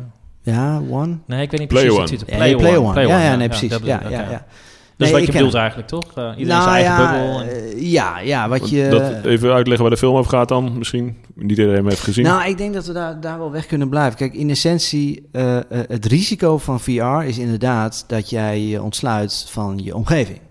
Hè? Ik bedoel, eh, eh, je, je gebruikt die bril en je ontsluit je van de maar werkelijkheid. is dat niet hetzelfde als zeg maar social media? Iedereen kijkt op zijn telefoon, maar je maakt op een andere manier contact. En Ja. dat wil niet zeggen dat het een minder of een ander... Dat is gewoon een ander contact die je Ja, voor- voorheen precies. niet had, zeg Nee, maar. Dus het, het is aanvullend. En je moet het niet alleen doen, zeg nee, maar. dus, dus wat ik ook vaak heb gezegd is, als ik voor een hele zaal met mensen stond te spreken, en dan was er altijd wel één iemand in de zaal die zei, van, ja, maar eh, je ontsluit je van je omgeving, het is sociaal totaal niet eh, slim. En dan zeg ik altijd van, ja, dat zeg je wel, maar A, soms is het het doel om je even te ontsluiten van de werkelijkheid en ook van je omgeving. Denk aan eh, ontstressen, echt even zelf ergens anders zijn. En B, tegenwoordig kun je dus, nou, daar van een Second Life een goed voorbeeld. Je kunt in die virtuele wereld kun je ook sociaal interacteren met mensen die, die aan de andere kant van de wereld zitten. Dus voor sommige mensen wordt die, hun sociale wereld juist veel groter. En eh, even terugkomend op de, die persoon die ik ken. Ja, die heeft eh, in dagelijks leven, eh, eh, ja, die is een beetje autistisch, of nou redelijk. Die heeft niet een heel sterk sociaal leven. Maar daar in die wereld is hij een god, weet je wel? als ik- ik- Dan is hij een DJ en dan moet hij allerlei mensen waar hij ook echt via zo'n teamspeak een dialoog mee heeft. Ehm, maar het is veel laagdrempeliger. Ja. Dus hij het, komt... het, het hoeft ook niet per se als we. eh, het is ook niet een gedachte. Het is echt zo, inderdaad. Wat je, zegt. dat je, je kunt ook een agent of een virtuele agent achter zetten. Dat je bij wijze van spreken. eh, en die kan ook met jou interacteren. Ja. Alsof het een menselijk iets is, zeg Ja. maar. Die, de Turing-test of zo heet dat, hè? Dat, dat, dat je niet eens weet Ja. dat het een AI of wat dan ook is... die dan even tot jou komt via een VR. Ja. Maar Nou ja, wat je... eh eh, Jarno Duursma natuurlijk, die is Ja. er veel mee bezig. Ja. Hè? Deepfakes, AI's. En eh, dat gaat ook allemaal naar die VR-AR-kant toe. Hè? Ik bedoel, daar Kun je al een deepfake maken in een VR? Ja, in principe wel. Want als je het in een normale video kan, dan kan het ook in, eh, in, in VR. Ja. Even heel plat geslagen, Ja. dat kan wel.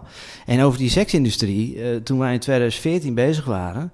Toen eh, werden wij eh, eh, vrij snel kwamen we op de radar van een, eh, een grote Duitse eh, seksboer.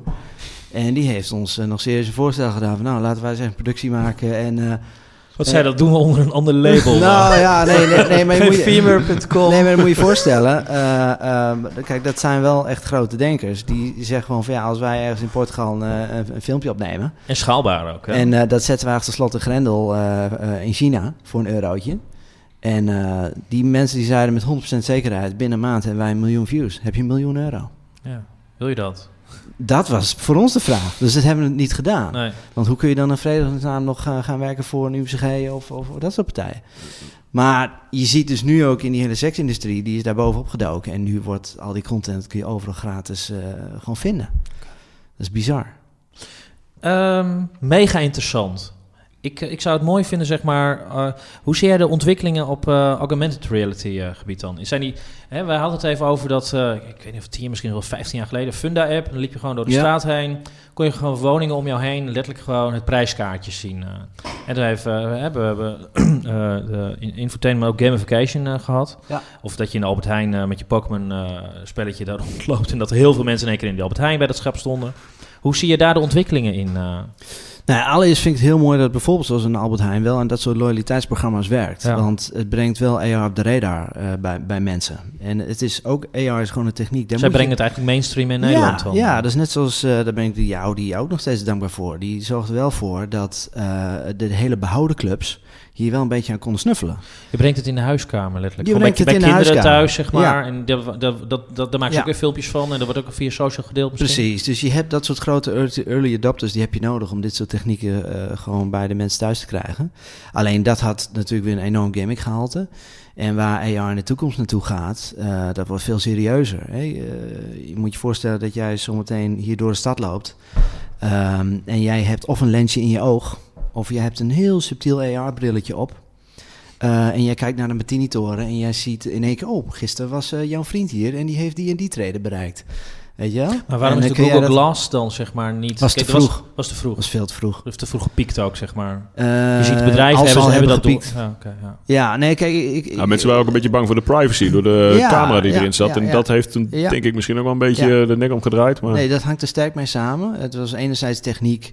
Hè, ik bedoel, je kijkt door zo'n blokje heen. Hè? Ja, dat, Je ziet wel heel veel bedrijfsmatige toepassingen of bedrijven die daarop hebben doorontwikkeld. Het, het had ook geen platform, zeg maar. Het was een Nee. experiment. nou, en daar snij Google heeft de wereld ingeslingerd, zeg maar. Maar daar snij een heel belangrijk punt aan. Want eh, als AR heel groot wil worden, ook in ons dagelijks leven, dan heeft dat een, een, een infrastructuur nodig. Een platform waarop wij allemaal zijn aangesloten. Zoals Apple dat heeft- nu Apple- een Facebook is. Apple heeft AI Core, maar dat is meer de technologie in de... In de, in de Ja, de AR-kit, dat is meer inderdaad Kit, meer... inderdaad. Apple is eh, ja, of, dat, eh, Google heeft, eh, heeft het anders. Maar goed, nee, klopt. Maar eigenlijk bedoel ik ook, je moet een, een content platform Juist. hebben. Ja. Ja, je moet wel die infrastructuur hebben om, eh, nou bijvoorbeeld voorbeeld wat ik net beschrijf, dat kan ook bovenop de piste zijn, hè, dat ik zeg eh, dat een AR voor mij een route plot en zeg van, oh daar is het eh, wel veilig en daar niet. En jouw vrienden gingen gisteren hier ook langs en die, hebben, die gingen zo snel. Kun jij dat beter, weet je wel? Dus in AR, als ik het even hierop toespits, soort social engagement, dan heb je wel een infrastructuur nodig, softwarematig, die al die informatie aanbiedt. En dat is er gewoon nu Jij noemde als voorbeeld auto-industrie. Nou ja, kijk, je head-up display is ook een, eh, een vorm van augmented reality. Maar dat is allemaal lokaal. Dat is je auto die dat genereert. Je zou met je LiDAR nu zou je in een blinde mist kunnen Ja. rijden natuurlijk. ja, maar, eh, nee, maar daar gaat het dus nu ook veel meer naartoe. Hè? In China zijn ze al met AR-projecten bezig, met bussen. eh, waarbij eh, eh, eh, ehm, eh, bijvoorbeeld... Nou ja, neem Tesla als voorbeeld. Hè? Die, die, die waarschuwt al voor een voetganger.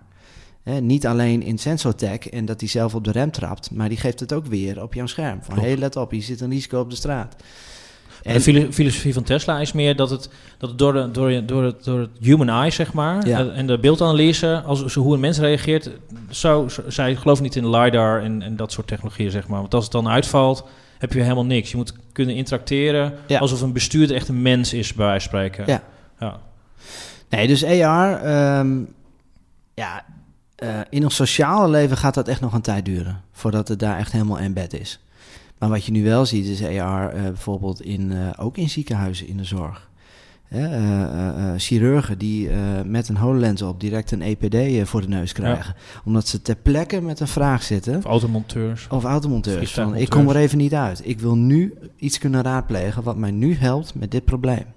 En dan wil Ook je voor handen- mezelf handig als ik weet niet wie een persoon is en ik zie gewoon gelijk wie die persoon is. Als je naar hem dat- kijkt of zo. Of, Ja. Dat beeld, Taco, dat ik... hè, ik loop op een eh, netwerkevent of Ja, zo. bijvoorbeeld. En ik, en ik zie ziet direct gelijk al die mensen is, die eh, ergens op, eh, weet ik op veel... inkomen. eh, Misschien gesorteerd als social je dat media wil. Ja, nee, zie maar ik eh, letterlijk. best van... Nee, maar letterlijk, jij, kan, jij loopt zometeen eh hier door de stad en jij kijkt naar iemand en je ziet inderdaad, wat is zijn naam, wat is zijn functie.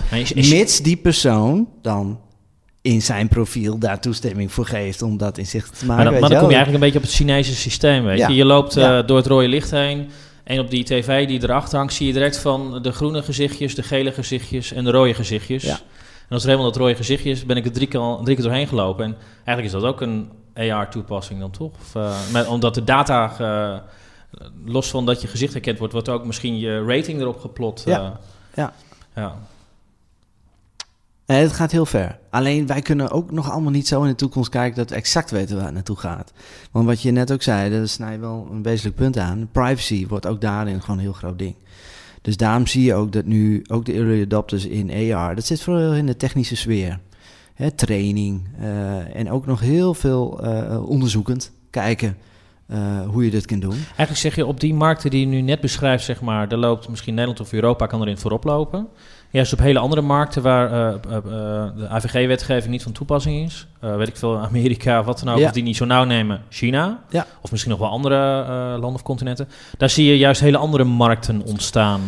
Ja, en het hangt ook vanaf hoe heeft een land het zelf op orde. Hè? Wij hebben hier bijvoorbeeld in Nederland hebben wij een centrale database van gisdata, hè? van leidingen in de grond. Nou, wat je nu ziet is dat de gasunies en eh, eh, eh, grote offshore, onshore bedrijven, ja, die gaan allemaal aan de hal met de Microsoft HoloLens. Want die gaan gewoon letterlijk het veld in een weiland en ze zien alle leidingen in de grond liggen. Dat is gewoon openbare data. Dat is fantastisch om mee te werken. Ja. Maar je ziet in heel veel landen dat al die systemen heel gesloten zijn. En daar... Even, wat is dan de toe? Ik heb zelf bij een netbeheerder gewerkt, en Nexus Ja. zeg maar. Maar wat is dan de toepassing? Kijk, vroeger had je dat op je tablet, liep je door het veld heen. ja, En liep je gewoon over de leiding heen, bij wijze van spreken, kun je het op je tablet zien, bij wijze van spreken. ja. Of waar de MOF zat, hè, waar twee leidingen aan elkaar eh, gezet worden, elektriciteitskabels. Maar wat is dan de toepassing voor eh, de gasunie? Dus ze kunnen letterlijk door een leiding heen lopen natuurlijk, maar... Nou, kijk, Gasunie weet ik dat ze hiermee bezig zijn. Ik weet niet echt inhoudelijk wat ze er nu mee doen. Alleen eh, wat je inderdaad eerder met je iPad deed, het is gewoon nu vertaling naar een AR-bril waarbij je handen vrij hebt en misschien sneller beslissingen kan maken. Ja, In de kern gaat het erom dat je gewoon kostenefficiënte keuzes kan maken. Ja. Graaf ik het gat daar of graaf ik het gat direct op de juiste plek? ja snap ik. Ehm, en nu doe je dat nog met. Bovendien kun je met je een- collega's gewoon, alsof die sleuf al gegraven is, ja. het er gewoon over hebben, toch? Juist, en nu gebeurt het nog via zo'n eh, HoloLens. En die nieuwe HoloLens bijvoorbeeld, die wordt nu wel wat goedkoper. Die wordt 3500 dollar. Eh, maar in de toekomst, en dat is toch waar het allemaal naartoe beweegt... hebben wij gewoon een van de lensje in ons oog. En dit is echt even far future. Maar we weten dat Google daar al jarenlang mee bezig is. Van, ja, je wil gewoon iets op het netvlies hebben. Je wil niet iets op je hoofd. Eh, Weet je ook iets over die IKEA-app, zeg maar? Ik weet dat IKEA, zeg maar, had natuurlijk al hun, hun items eh, al gefactoriseerd en in 3D. Of Ja. hebben ze dat? En ze waren launching customer een beetje samen met, met, met Apple om die technologie misschien wel meer Ja. mainstream te maken. klopt. Was dat heel succesvol of was het meer gimmicky? Of weet je dat toevallig? Ik weet niet exact de effecten daarvan. Alleen als ik zelf eh, die, toe, eh, eh, die app bekijk, denk ik van ja, briljant. Je brengt hier... Mooiste toepassing die je kunt bedenken. Nou ja, je brengt hier het, eh, eh, eh, toepassingen bij elkaar. Wat, je, net- wat je net zelf zegt, er, er is een database aan 3D-modellen. Die nieuwe techniek van Apple je letterlijk naar stelt buiten je... toe. Ja, die, ja maak je nee, beschikbaar voor de klant. Die was er voorheen... Eigenlijk heeft IKEA dankzij die nieuwe AR-kit, want eh, hebben ze gewoon een nieuw businessmodel gecreëerd. En wat ze eigenlijk hebben gedaan is, je stelt mensen sneller in staat om te zeggen van, is dit iets voor mij of niet? Ja, wat, hoe zit het met meubels? Dat wil je kunnen bepalen in je eigen omgeving van, hoe staat dat hier? Maar als je daarmee eh, eh, eh, de beslissingen hè, die men moet maken om over te gaan tot aankoop, als je daar druk achter kan zetten door zo'n app in te zetten, dat is fantastisch. Heb je hem zelf eens gebruikt? Of Ja, ja, Taak? Heb zeker. jij hem wel eens gebruikt, Taak? Ja. niet? Maar Flexa doet hetzelfde, hè? Ja, met verf Van inderdaad. verf. Ja, Eh, die, die, scant je muren en eh geeft maar een kleurtje. Ja. Nou ja, en dat wordt nu allemaal doorontwikkeld. Want die apps zijn nu nog heel primitief. Hè? Die kunnen niet goed omgaan met, Maar je- je- met lichtval Ja. en, en dat soort dingen. Maar wat je nu ziet met die nieuwe AR-kit... en vooral die nieuwe telefoons en nieuwe iPhone... Hè, die heeft eh, drie lenzen. Eh, de een eh, meet echt diepte, de ander die zit veel meer kleur. En die kunnen veel beter nu on the fly inschatten van... hé, hey, hoe is de lichtwerking hier? Dus ook die projecties op de werkelijkheid... worden steeds realistischer. Ja, ja wat, ik, wat jij nu vertelt, zie ik dat bij wijze van spreken, als je televisies eh, zou hebben in plaats van die ramen en je kijkt er naartoe, dat die content die daar is, dat je, alsof je ergens in een werkelijke wereld kijkt. Maar Ja. zo echt vind ik het dan niet, want je kijkt letterlijk nog op een iPad of een klein schermpje. Dus die, die, die engagement, die grote, dat eigenlijk zou je een VR-toepassing, maar dat is, dat is niet mainstream, want mensen hebben die brillen niet Nee, thuis. Dus nee. ja, ik snap het. Eigenlijk zeg je, we, we staan aan de vooravond van eh, de technologie is er gewoon, de cases zijn er ook wel, het Ja. geld is er ook wel. Alleen op een of andere manier is er, is er eh, de doorbraak is in niches. eh, Juist, ja, ja. ja. Ja, en daar gaat echt een splitsing eh, plaatsvinden ook tussen AR en VR van waar dat wordt gebruikt. Je ziet nu dat VR dus heel erg begeeft in die entertainment-industrie, even als algemene noemer. En dat er maar, ja, ik zou zeggen heel veel, maar op wereldschaal zijn maar een handjevol mensen die het echt serieus toepassen. Als we teruggaan naar Femur. Wat is je mooiste klus van, afgelopen, van dit jaar, 2019? Wat is het mooiste klus van dit jaar? Ehm, Weet je waarom ik die vraag stel? Ik, eh, op die fotowand, hè, dat gaat tot 2015. En op, Ja. op Insta en op YouTube zie ik tot 2018. En je vertelde mij net, en triggerde je mij enorm van... Er zit heel veel in de pipeline, hebben we Ja. nog niet gepublished. Nee, op, op, klopt. op social media of op de website. ja, En, ja. eh, maar daar wil ik best wel graag wat over vertellen. En dat is de reden dat ik die vraag ja, stel. nee, heel goed, heel goed. We hebben ook heel veel mensen om ons heen die lopen ons ook een beetje te porren van, we zijn helemaal mee bezig. Kom op. Want wij zijn een beetje geheimzinnig. Precies. Nee, wij hebben eigenlijk het afgelopen jaar zijn we bijna niet naar buiten getreden. Omdat heel veel energie is eh, gegaan naar twee specifieke projecten. Eén project is V-Relax. Eh, dat hebben we samen met, eh met UMSG ontwikkeld. En ehm, ja, inmiddels is dat allemaal echt eh, een bedrijf voor opgezet. eh nou, BV en... daar is ontzettend veel tijd naartoe gaan om te bedenken hoe gaan we dit product verkopen in Virulax klinkt als ontstressen, onthaast. Ja, het is, het is een virtual reality toepassing waar we ook wetenschappelijk onderzoek naar hebben gedaan met UMSG. En die, dat artikel daarover komt eind dit jaar naar buiten. Ik kan wel zeggen dat het heel positief is. Ehm, je kunt met Virulax kun je, kunnen mensen eh, hun stresslevels managen. Dus het is een virtual reality app die ze middels een Oculus Go eh, die kunnen ze gebruiken en dan kunnen ze eigenlijk in, in allerlei verschillende werelden. Interacteert dat ook met wearables? Weet ik, Fitbit of iets anders, zo'n Apple Watch of zo, dat je daar je hartslag Ja, mee kunt meten? Nou, daar zijn we dus nu ook hard mee bezig. En dat heeft ook veel onderzoek gevraagd. eh, Van hoe kunnen we biofeedback integreren. Want wat wij met Vierlex eigenlijk willen doen... in de essentie is eh, stressniveaus verlagen. Dus mensen die kampen met burn-out stress, maar ook met pijn... ehm, is dit een ontzettend goed hulpmiddel om dat te verminderen. En eh, twee, we zijn hier al drie jaar mee bezig. En twee jaar geleden waren we op een punt van... oh wauw, eh, dit werkt. Dat zien we aan alle testimonials en helemaal nu naar het wetenschappelijk onderzoek. Alleen wij willen nu ook kijken van wat doet het op de lange termijn. Dus we gaan nu ook een doelmatigheidsonderzoek starten en kijken van ja, hoe heeft iemand hier baat bij op de lange termijn? En we weten dat mensen daar baat bij hebben. Wij, wij hebben eh, patiënten in ziekenhuizen in Nederland die dragen deze bril op hun lijf, elke dag in de trein. En die hebben bijvoorbeeld stemmen in hun hoofd. En, en als die eh, het heel benauwd krijgen, doen ze die bril op. En ze komen volledig tot rust. Zo. We hebben eh, verhalen van een gehandicapt meisje die echt tot aan de nek is verlamd. Hè? Die, haar fysieke beperking had ook een mentale uitwerking. Nou, die wou eigenlijk uit het leven stappen, zeg maar. En die ouders wisten ook helemaal geen raad meer. En die kreeg die bril op en die kwam helemaal tot leven. En En wat, wat ziet ze dan als zij die bril opzet nou, bijvoorbeeld? bijvoorbeeld dan is ze aan het zwemmen met wilde dolfijnen. Of ze staat op een strand. Of ze kan eh, eh, eh, ja, een soort spelletjes doen. Hè? Klankschaaltherapie.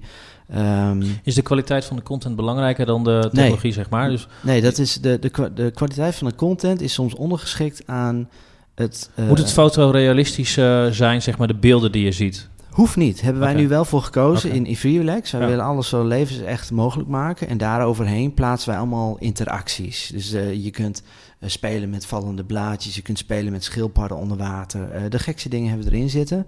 Ehm, maar die app, daar zijn we ontzettend veel nu achter schermen mee bezig geweest. En volgende week gaat onze nieuwe website daarvan live.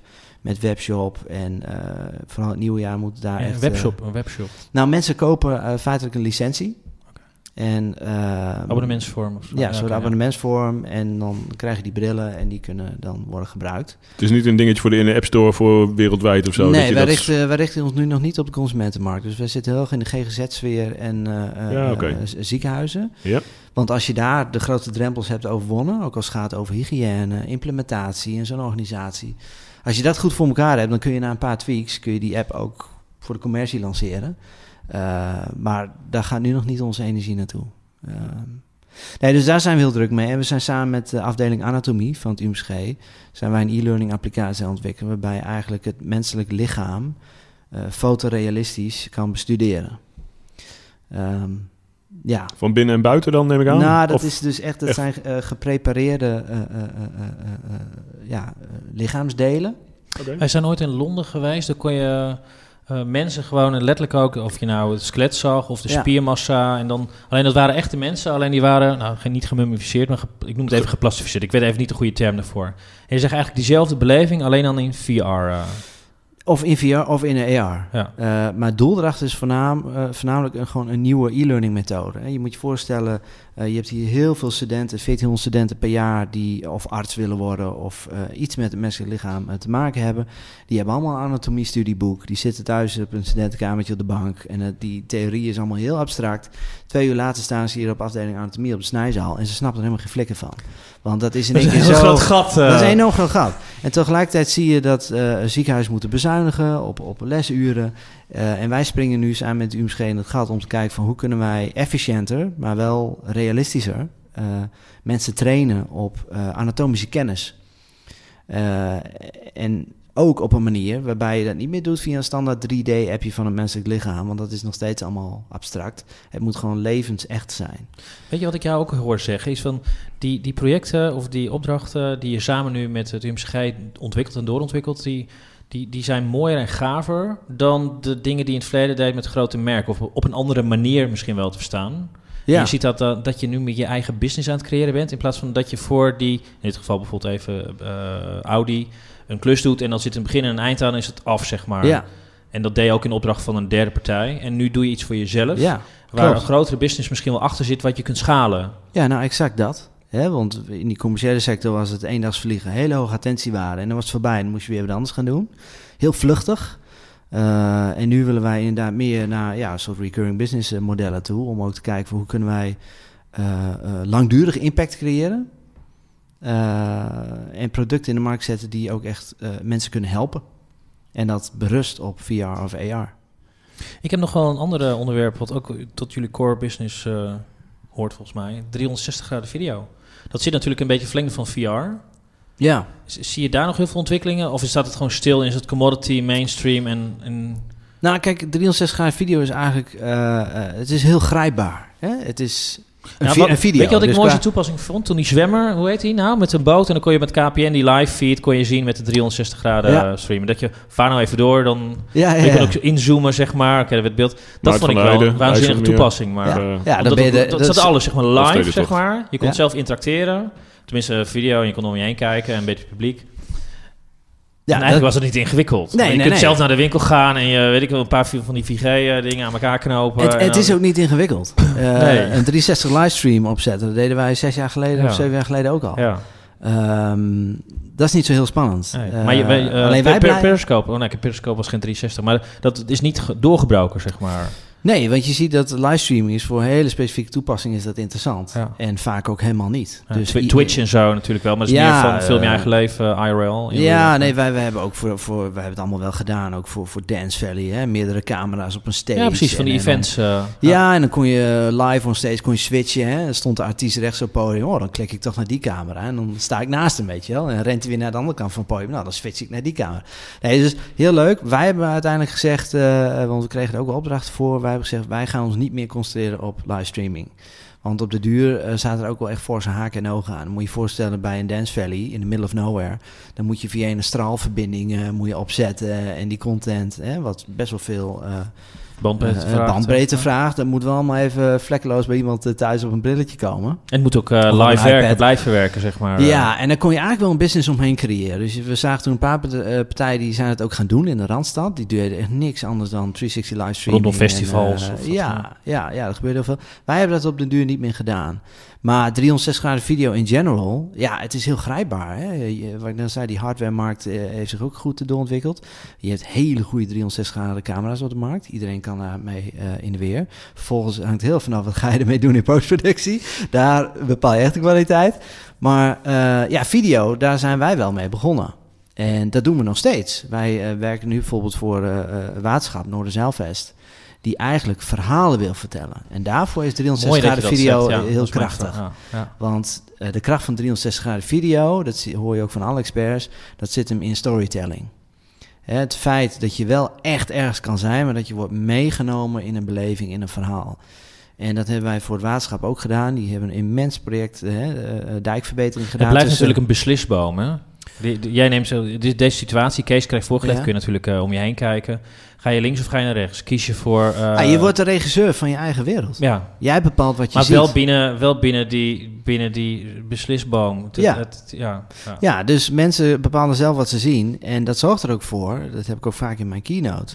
Is als je, het je maakt je eigen verhaal eigenlijk. Uh. Ja, maar als je het hebt over marketing en echt cijfers... dan zien wij ook in alle campagnes die we hebben gemeten... dat een YouTube-video wordt gemiddeld niet eens uitgekeken. Maar een 360 graden video, ook al is het op YouTube, die wordt gemiddeld drie of vier keer bekeken. Waarom? Je ziet nooit hetzelfde. Dus die engagement, engagement ook van 360 graden video is, is heel hoog. Je ziet elke uh, keer nieuwe dingen. Ja, en wat dan heel leuk is dat je, uh, wij dan dus bepaalde klanten hebben die, die dat heel goed snappen. En, uh, die dat vermarkten. Ja, die dat heel... Nou, vermarkten, kijk, zoals uh, Waterschap Noorderzeilvest, die is dus met die dijkverbreding bezig. Uh, dat treft heel veel omwonenden ook. Die hebben daar last van. Die hebben geen flauw idee wat er allemaal gebeurt. Hè? dus wat die organisatie wil doen, is vooral inzicht geven in wat doen wij en waarom doen we het en hoe doen we het. Ja. Zodat ook omstanders veel meer begrip krijgen en inzicht Hè, want dat, dat is ook echt de kracht van 360 graden video. Inzicht geven in, in hoe dingen werken, hoe dingen eruit zien. Dus mensen wederom op plekken brengen waar ze normaal niet kunnen zijn. En mensen hoeven er weinig moeite voor te doen. Uh, Je hoeft er weinig moeite voor te doen. doen. ook geen spannende apparatuur, gewoon op een iPad of op een laptop kan werken Ja. trouwens ook wel. Maar Kan ook. Dan moet je een beetje met je muis of wat dan ook. uh, Ja. Ja. We zijn nu volgens mij een, eh, een uur en vijf minuten bezig. Ja. Kort geklokt, ja, klopt dat zo? Er zit nog een beetje batterij in, maar... Oké. Ja, hoeveel batterij hebben we nog? Nou, ik zie één streepje. Misschien Eén als het gaat knipperen, dan steek ik mijn hand Nou, erop. Oké, nou goed, dan, dan, ja, wat mij betreft eh, ronden we af eh, dan. En ik, eigenlijk is de slotvraag altijd, had je nog een vraag aan ons? eh? of zijn we iets vergeten? Of wil je nog Mm. ergens op terugkomen? Nou, nee, ik vond dit eh, super natuurlijk eh, gaan. Heel leuk. En ik denk dat wij de belangrijkste dingen ook wel hebben aangestipt. Ja, weet je, je kunt hier uren over hebben. Zeker. Hè? En, op detailniveau kun je hier een hele dag mee vullen. Ehm, maar ik vond het heel mooi in mijn hoofdlijnen wel te vertellen van ja, waar, waar beweegt die markt zich een beetje naartoe? Wat doet die rare club hier op het Emmerplein? Wat doen we nou een beetje? Ehm, Mag ik nog één vraagje dan stellen? Dan, Ja, ja. ik bedoel, Ja, breek toch in tot, voor dat lampje. Je hebt ook een... eh, een eh, jullie zitten ook in Amsterdam, toch? Of niet? ja, we hebben een klein kantoor. Daar zit- site... eh, ja, daar zit standaard zitten daar twee, twee freelancers van ons. Omdat wij nog steeds ook wel projecten draaien in de Randstad. Daar moet je gewoon zijn. Local presence eigenlijk. eh. Ook. Het is gewoon een flexruimte. Als wij de afspraken hebben, dan, dan vliegen we daarheen. Ja, Ja. Maar had het ook nog... Internationaal maakt het ook wel eigenlijk helemaal niet. Nee, nee, nee. Laatste vraag nog eventjes dan. Leven wij in een matrix? over, eh, over 20 jaar of drie... Nee, wanneer is het zo, zo goed, de technologie, dat we niet weten of het VR is of niet? Ja, nou, Dat je zegt ja, van, is dit nou echt. VR of... Nee. Nou, dit klinkt een beetje zweverig, maar ja, gezien wij zo in de industrie zitten, en we hadden het net over Second Life bijvoorbeeld. Ja, dit gaat wel, en ja, het net inderdaad over Player One, hè? eh, die film Nou, Steven Elon- Spielberg. Elon, ja, Musk, die- Elon Musk zegt van, ik zie geen glitches. Hè? dat- dat- af en toe heb je haperingen Ja. of zo. Dus Ja, nee, maar het wordt nog veel groter. Het wordt eigenlijk voor sommige mensen ook wel wat, wat scary, want ehm, de grenzen vervagen. je, kunt, ik zo je kunt je letterlijk dood schrikken, zeg maar. Dat je een hartaanval hebt. Nee, nee, dat. Maar ik denk veel belangrijker, die, die, die kennis die ik schetste, die al drie dagen per week in die wereld leeft, met een bril op zijn hoofd. Ja, dat, Die vriend van je, ja? dat, ja? Gaat, dat gaat wel heel ver natuurlijk. Ja. En, eh, Wat dacht je de- van militaire toepassingen? Ja, nee, zeker. Ja. Nee, dat gebeurt... eh, geen game meer. Nee, maar de politie, eh, politie traint in VR, militairen trainen al in VR. Dat al jaren, ook in Nederland. Eh, maar de, de sociale factor daarin, als jij refereert naar die Matrix, eh, de, de grenzen gaan vervagen, waarbij ook veel mensen heel erg in die virtuele wereld zullen deelnemen. Omdat hun, voor hun die, hun wereld groter wordt. Ik vind het een prachtige vraag om mee af te sluiten, Taak. Lijkt me een goed plan. Stefan, ik wil je hartelijk bedanken dat we hier mochten zijn vandaag. En dat je in onze podcast eh, te gast was. Leuk. En ik vond het echt een waanzinnig interessant eh, gesprek. Ik heb Nou. veel geleerd, eh, Zeker. Jullie ook bedankt. Leuk. wederzijds.